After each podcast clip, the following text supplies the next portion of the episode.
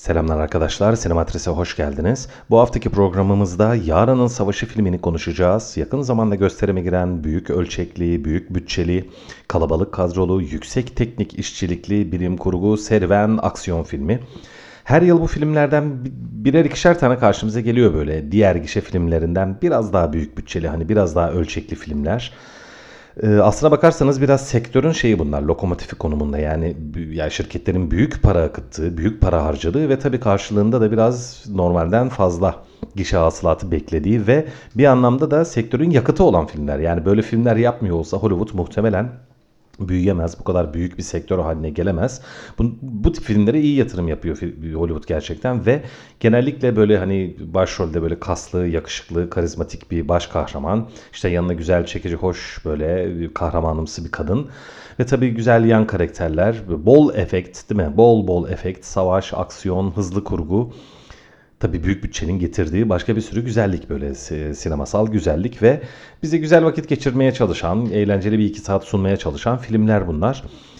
Ve şöyle bir şey var arkadaşlar. Bugünkü programımızda biraz ya iki ana konuya odaklanmak istiyorum aslına bakarsanız.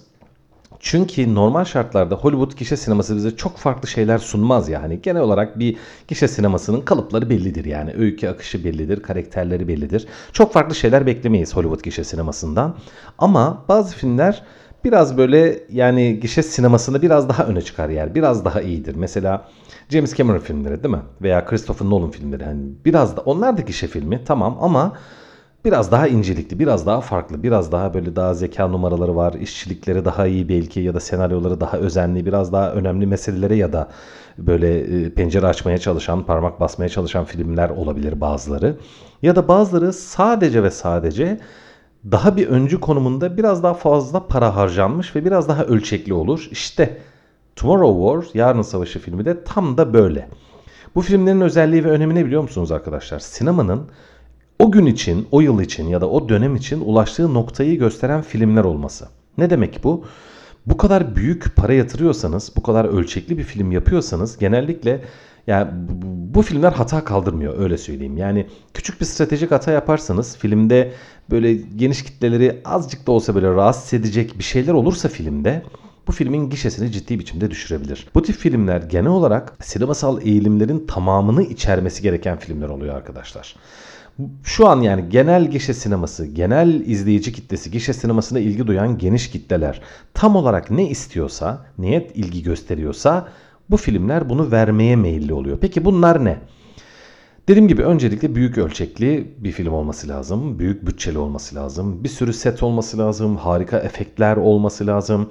İşte karizmatik, güzel, çekici, hoş oyuncular olması lazım. Yani sadece baş kahraman olarak değil yani yan karakterler falan da yani bir büyük baba da olsa filmde o da çok karizmatik, sevimli, şirin ya da belki komik bir böyle büyük baba falan olabilir. Veya yardımcı bir iki karakter olursa onların bir tanesi işte uzak doğulu, bir tanesi siyahi oyuncu, bir tanesi hatta e, bu konuda da eleştiriler var biliyorsunuz. Hani araya mutlaka gay karakter de koyalım gibilerinden. Hani bu konu e, yani dünyada bu konuda bazı hassasiyetler var ya böyle LGBTİ hareketleri falan. Bundan dolayı da sürekli eleştiriler sağda solda dönüyor biliyorsunuz. Bu da üzerine konuşulan bir konu. Onun dışında yani sadece hani içerikle alakalı değil ne bileyim bu aralar biraz daha renk paleti olarak filmler biraz daha böyle soğuk tonlarda oluyor mesela. 80'lerde 90'larda pek öyle değildi. Biraz daha sıcak tonlu böyle sarı kırmızı filmler daha çok karşımıza gelirdi. Bugünlerde biraz daha mavi tonda böyle biraz Matrix'in etkisiyle oldu gibi geliyor bana o veya Avatar'da biraz öyleydi. Daha yeşil mavi biraz daha soğuk bir renk paleti var karşımızda. Bir kere hızlı kurgu. Christopher Nolan sağ olsun kısacık planlar. Gerçi tabii Christopher Nolan'dan da, Nolan'dan da öncesi var ama Christopher Nolan sineması bunu iyice ayyuka çıkardı, karşımıza getirdi. Filmler çok hızlı akıyor. Hani hiç sıkmıyor. Böyle planlar hızlı hızlı birini takip ediyor. Yani dikkatli bir izleyici olmanız lazım. Yoksa hop ayrıntıyı kaçırırsınız yani. Böyle bir anda bir replik geçiyor veya bir anda bir çekim oluyor falan. Orada küçücük bir bilgi veriliyor. O bilgi sonra karşımıza geliyor. Ha bu buymuş falan diyoruz ama film bu bilgiyi verirken böyle o akıcılığı, o hızlı kurguyu hiçbir zaman zedelememesi gerekiyor, yaralamaması gerekiyor. Filmler hızlı akıyor yani. Hiç sıkmıyor bizi. Hiç beklemiyor. Ancak böyle çok hani durduğu filmler sakinlediği anlarda da böyle çok dramatik duygusal patlama anları böyle işte bir aşığın ayrılması, işte babayla kızın kavuşması falan gibi böyle veya oğlanla babanın küsken işte barışmaları gibi böyle dramatik anlar böyle çok derin anlar, duygusal anlarda film biraz daha yavaşlıyor falan. Onun dışında akıyor gidiyor. İşte bu gibi gereklilikler yani bunları sektör sürekli takip ediyor tabii. Hani hangi filmler hani belli içeriklere sahip filmler ilgi duyunca ha bu aralar şunlar daha fazla, bunlar daha fazla, şunlar çok seviliyor. Biz de öyle yönlendirelim filmleri gibi e, sektör bir iç kontrol mekanizması vardır yani Hollywood'un. Hemen hemen her sektörde olduğu gibi Hollywood'da da bu var. İşte tüm genel geçer eğilimleri, yakın dönemin eğilimlerini biz bu büyük bütçeli her yıl çok fazla örneği olmayıp böyle 2-3 tane 5 tane hadi atıyorum en fazla. Hem çok büyük bütçeli olup hem de büyük ölçekli olan filmlerde resmen en yakın dönemin sinemasal eğilimlerinin bir arada kullanıldığını görüyoruz arkadaşlar. İşte Yarının Savaşı filmi de tam olarak buna örnek. Ne arıyorsanız var. Da 2020-2021 itibariyle yani hani bu yıllarda genel izleyici kitlesi sinemadan ne bekliyor? Eğlenmek için işte böyle hani sinemaya gidelim, şeyler yiyelim restoranda, oradan filme girelim, oradan çıkıp eve gidelim diyen genel izleyici kitlesi yani Hollywood böyle isimlendiriyor. Ben öyle isimlendirmiyorum da Hollywood böyle isimlendiriyor. O kitlenin aradığı her şey var filmde. Şimdi kendi, yani ben kendi fikrimi söyleyeyim. Bence film çok iyi değil ama kötü de değil. Ben gayet keyif aldım. Bence iyi bir film. iyi bir gişe filmi. Eğlenceli bir film. Vaat ettiği her şeyi fazlasıyla bize veriyor arkadaşlar. Ne ararsanız var filmde. Bilim kurgu, aksiyon, dramatik, e, derinlik, böyle işte duygusal anlar, güzel oyuncular, güzel oyunculuklar, efektler, tasarımlar falan gerçekten çok iyi. İzlemesi çok keyifli filmi. Bir sürü sürpriz var. Yani filmin başından böyle sonu ta, hani işte tamam aa, anladık film şöyle gidecek. Kesin bu olacak diyeceğiniz çok az şey var filmde. Yani ben filmin akışının tahmin edilebileceğini pek düşünmüyorum. Güzel sürprizler, dönemeçler var. Senaryosu da bayağı zengin. Ancak genel olarak böyle bir şeye bakarsanız, sosyal medyaya bakarsanız, sinema gruplarına falan işte ya da Twitter'a işte X sözlüğe falan bakarsanız filme küfür kıyamet arkadaşlar. Neredeyse hiç kimse beğenmemiş filmi. Çok vasat bir film olduğunu düşünüyor insanlar. Yani ya şimdi gerçekten anlamak zor diyeceğim. Demi, aslında demeyeceğim anlıyorum ama Şimdi geniş kitlelerin bu konuda yanıldığını da iddia etmek haddim değil. O da biraz kibirli bir yaklaşım olur. Hani herkes yanlış anlıyor da aslında film iyi de demeyeceğim ama insanların bakış açısında şöyle bir şey var arkadaşlar. Yani anlaşılması zor bir durum var. Şimdi bu filmde genellikle hemen onu söyleyeyim. E, filmin öyküsünü anlatmayacağım. Kabaca anlatayım. Bir bilim kurgu aksiyon filmi işte günümüzde geçiyor bir sene sonra 2022'de falan. Normal bir aile var. Normal herkes hayatını yaşıyor yani. Bir işte adam, eşi, tatlışı bir kızı var falan. Bir anda gelecekten böyle birileri geliyor insanlar bir askeri birlik diyor ki gelecekte büyük bir savaş var ve insan ırkı yok olacak. Bu olmaması için bizim size ihtiyacımız var. Bize yardımcı olun. Çok güzel hem böyle zaman atlamalı, aksiyonlu, tüm dünya insanlarını böyle riske eden bir böyle bir yaratık saldırısı gibi bir şey öyle söyleyeyim. Bu da benzer zaten birçok film var yani. Hani çok o açıdan film çok yeni sayılmaz. Şimdi böyle bir şey oluyor ve Hoppa tam bir bilim kurgu aksiyon filmi öyküsünün girişi bu zaten. Gayet uygun. Şöyle bir nokta var arkadaşlar. Bu tip filmlerde, gişe filmlerinde çok büyük ölçekli filmler bunlar falan çok büyük senaryolar ama şöyle bir sıkıntı var.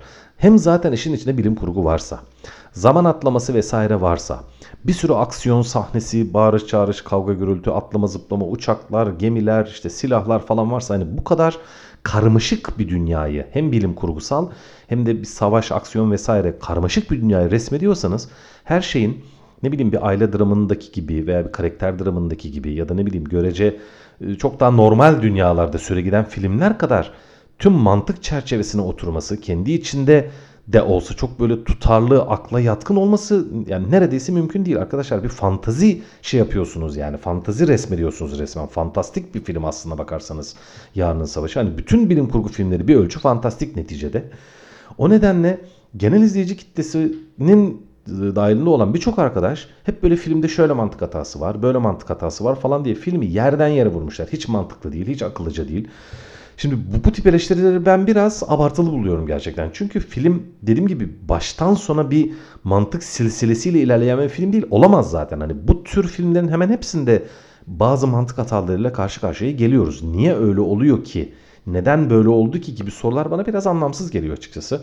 Ya biliyorsunuz en özenli filmlerde bile yani mesela Christopher Nolan'ın e, Inception filmi için bile birçok mantık hatasından bahseder. Açın yani internette okuyun çeşitli ortamlarda şu akıllıca değil bu mantıklıca değil. Hani şöyle yapacağını böyle yapsa da olur gibilerinden sürekli filmin içerisinde bir mantık hatası arama şeyi var. Şimdi bu yaklaşımı ben biraz sorunlu görüyorum. Çünkü bu kafayla arkadaşlar film izleyemeyiz yani. yani bütün filmler neticede bir üretim değil mi? Ya yani kurgusal üretimler. Her şeyin günlük hayattaki olduğu gibi mantık çerçevesine sığması mümkün değil. Hele hele bazı türlerde bu, bu bunun gibi filmlerde öyle hiç değil zaten. Buna ek olarak film çok ciddi eleştiriliyor. Şöyle bir nokta da bence gözden kaçıyor arkadaşlar. Az önce özetledim ya. Bu tür büyük bütçeli, büyük ölçekli filmler dönem dönem karşımıza gelir ve sinemanın da ulaştığı noktayı, genel eğilimlerini bize özetlerler. Bu aynı zamanda ne anlama geliyor biliyor musunuz arkadaşlar? Ve Hollywood'da hani genelde eleştiri yönlendiren arkadaşların da gözden kaçırdığı bir noktayı şimdi size hatırlatmaya çalışacağım. Arkadaşlar sinema aynı zamanda bir zanaat. Yani işte sanat aynı zamanda bir eğlence, bir işte toplu faaliyet vesaire birçok şey söylüyoruz ya. Sinemanın büyük çoğunluğu hele hele Hollywood gişe sineması neredeyse tamamen zanaat. Belli bir amaca yönelik, kullanışlılığa yönelik, günlük hayata yönelik bize belli şeyler vaat eden, bizim karşılığında paramızı verdiğimiz ve karşılığında bir şey aldığımız bir ürün, bir üretim yani bir mobilya gibi, işte bir giysi gibi, bir ayakkabı gibi ne bileyim ben hani birçok bir, şeyden örnek verilebilir. Belli bir vadi olan bir zanaat ürünü ve Hollywood arkadaşlar bu zanaatin dünyada gerçekten aslına bakarsanız en iyi yapıldığı yerlerden bir tanesi. Yani şu filmdeki teknik işçilik o kadar iyi ki setler, tasarımlar o kadar iyi ki filmin çekimi, kurgusu, işte oyunculukları yani kostümü en ince ayrıntıya kadar girseniz yani ne bileyim filmdeki ya kuaförü bile o kadar söyleyeyim yani veya makyajcısı bile ki hani bunları küçümsüyor gibi olmayayım bunlar da önemli uzmanlıklar. O kadar iyi ki filmde o kadar çok uzmanlık bir arada yani bir sinema filmini ortaya çıkarmak için sayısız uzmanlıktaki insan bir araya gelip ortaya hani belli bir uyum sunarak ortaya bir ürün çıkarıyorlar.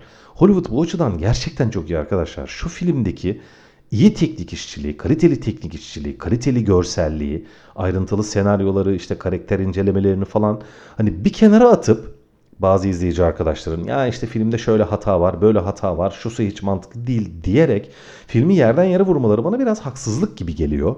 Aynı zamanda yani herkes tabii farklı sinemaları, farklı türleri sevebilir ya bu konuda insanların zevkine söyleyecek bir şeyimiz yok. Kimi işte drama sever, kimi aksiyon sever, ne bileyim kimi gerilim filmi sever, kimi korku filmi sever, kimi seks filmi sever. Bu, bu, bu, bu konuda eleştirecek bir şey yok ama Hollywood'un yaptığı filmleri başka bir sinema, başka bir ülke hiçbir şekilde yapamıyor arkadaşlar. Yapamaz zaten. Yani Hollywood'dan gelen bir filmi biz izle, sadece Hollywood'a mecburuz yani bu açıdan.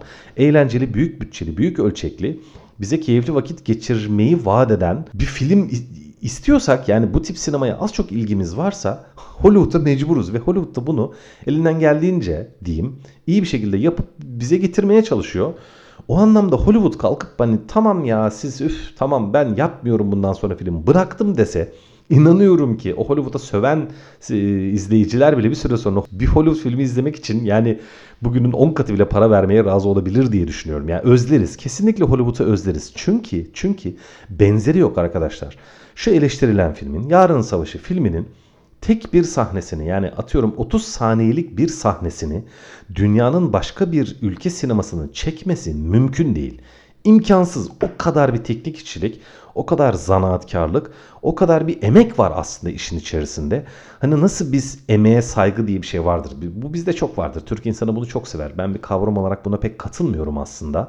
Yani hani bir emek var. iyi de olsa kötü de olsa ona saygı duymak lazım. Hayır ben bu fikre katılmıyorum. Şu anlamda katılmıyorum. İyiyse saygı duyuyorum. Kötüyse saygı duymanın pek mantıklı olduğunu düşünmüyorum. Ama en azından Hollywood ya da Türk sineması için de aynı şey geçerli olabilir. Fena olmayan bir şey karşımıza getiriyorsa benim paramın karşılığını vermiş oluyor. Bana da güzel vakit geçirtmiş oluyor. O kadar. İşte bence Tomorrow War gibi bu yani eğlenceli büyük ölçekli aksiyon filmleri gerçekten sinema zanaatinin aslında teknik işçiliğinin dünyada en iyi olduğu örnekler zaten. En iyi örnekler Hollywood'dan geliyor arkadaşlar. Başka örnek yani çok çok nadir. Bugüne kadar birçok programda bundan bahsettim. Yakın zamanda bence bir tek Kore sineması teknik işçilik konusunda Hollywood'a yaklaştı. Hatta bazı örneklerde de onu geçmişte olabilir böyle hani burun farkıyla veya kıl payıyla ama genel olarak Hollywood zaten bize çok iyi teknik işçilik sunuyor. Yani filmleri izlemek çok keyifli gerçekten. Ve normal şartlarda bunu çok önemsemiyor gibi görünsek de hani genel izleyici kitlesi o çoğunlukla yani filmin kurgusu ne kadar iyi atıyorum işte renk çalışması ne kadar iyi tasarımları ne kadar iyi buna çok da dikkat etmeyebilir. Keyif için oturuyorsunuz filmi izliyorsunuz ve bitiyor aa tamam eğlendik güzel filmdi deyip geçiyorsunuz değil mi? Çoğumuz öyle yapıyoruz yani. Ama aslında bir film kötü te- teknik işçilikli olduğunda Mesela iyi yönetilemediğinde, setleri çok iyi olmadığında, işte rengi, ışıkları yani sinemasal malzemesi çok da iyi olmadığında bunu inanın herkes fark eder ve o filmden rahatsız olur. İstediği kadar güzel bir konuyu işlesin, iyi bir temayı merkeze alsın ya da böyle çok dramatik güzel karakterler işin içerisinde olsun. İnanın ki teknik olarak kötü olduğunda bir filmi hiç kimse izleyemez arkadaşlar. Yani bu şeye benziyor. İyi olduğunda fark etmiyorsunuz çünkü her şey yolunda. Filmi izliyorsunuz, aa güzelmiş deyip geçiyorsunuz. Ama kötü olduğunda rahatsız oluyorsunuz. İzliyoruz filmi tamam güzel de diyoruz şusu kötü busu kötü diyoruz ya aslında kötü diye belirtmediğimiz her şey iyi aslında öyle söyleyeyim yani. Hollywood sinemasında bu böyle gerçekten. Bir noktaya daha parmak basmak istiyorum filmle ilgili. Şimdi dedim ya Hollywood genel eğilimleri bu büyük bütçeli filmlerle zaman zaman test eder ve hepsini onun bünyesinde barındırır ve son noktayı bize gösterir o filmlerle. Ama Hollywood'un şöyle bir kötü tarafı var. Bunu bir türlü atlatamadı. Daha doğrusu çok küçük bir açıdan atlattı da şimdi onu da söyleyeceğim. Şimdi çok geniş kitlelere film yaptığınızda Hollywood gibi yani bir filme işte 150 milyon dolar falan gibi böyle inanılmaz paralar harcadığınızda yani 300-500 işte 1 milyar dolar falan hasılat bekliyorsunuz demektir zaten. Sektörün kendini besleyebilmesi için gereken oran yaklaşık böyle. Şimdi bu filmlerde dedim ya pek şey hata kaldırmıyor bu filmler. O nedenle biraz da tematik olarak, mesaj olarak, alt metin olarak biraz muhafazakardır. Genel ahlaki doğrularla pek çelişmeyen filmlerdir bunlar. Nasıl yani işte çocuk önemlidir, eş, aile önemlidir, baba ilişkisi, anne baba ilişkisi, işte ülke, manevi değerler, işte din, inanç ya da işte milli değerler gibi böyle genel e, izleyici kitlesinin biraz daha böyle dokunulmaz gördüğü, ahlaki olarak pek e, dokunmak istemediği alanlara da bu filmler pek dokunmaz. Yani o açıdan e, muhafazakar ve iyiliksever bir, iyimser bir havaya bürünürler. Bu filmler genelde öyledir. Bu filmde bence o ton biraz da kaçmış. Yani film e, öyle bir onu hoyrat kullanıyor ki yani o onu kurtarıyor, o onu kurtarıyor. Ben onurlu adamım, babam da onurlu, kızım da onurlu, eşim de onurlu. O işte bak o da onurunu gösterdi. Sen de göster, niye göstermiyorsun? Herkes onurlu, herkes iyi insan. Yani hani sanki böyle bu tip savaşlar, işte doğal afetler vesaire dedim ya insanların biraz kaynaştığı, işte küslüklerin unutulduğu, barışmaya vesile olduğu, bahane olduğu gibi durumlar vardır. Gişe sinemasında bu sık sık karşımıza gelir. Yani birbiriyle kanlı bıçaklı olan atıyorum iki komşu mahalleyi sel basar işte deprem olur hoppa ikisi bir arada öteki komşuyu kurtarırlar falan. Bu güzel de bir mesajdır aslında kötü değildir ama bazen işte şeyin dozu kaçıyor bu ahlaki e, şey, muhafazakarlığın dozu kaçıyor veya iyimserliğin diyeyim dozu kaçıyor.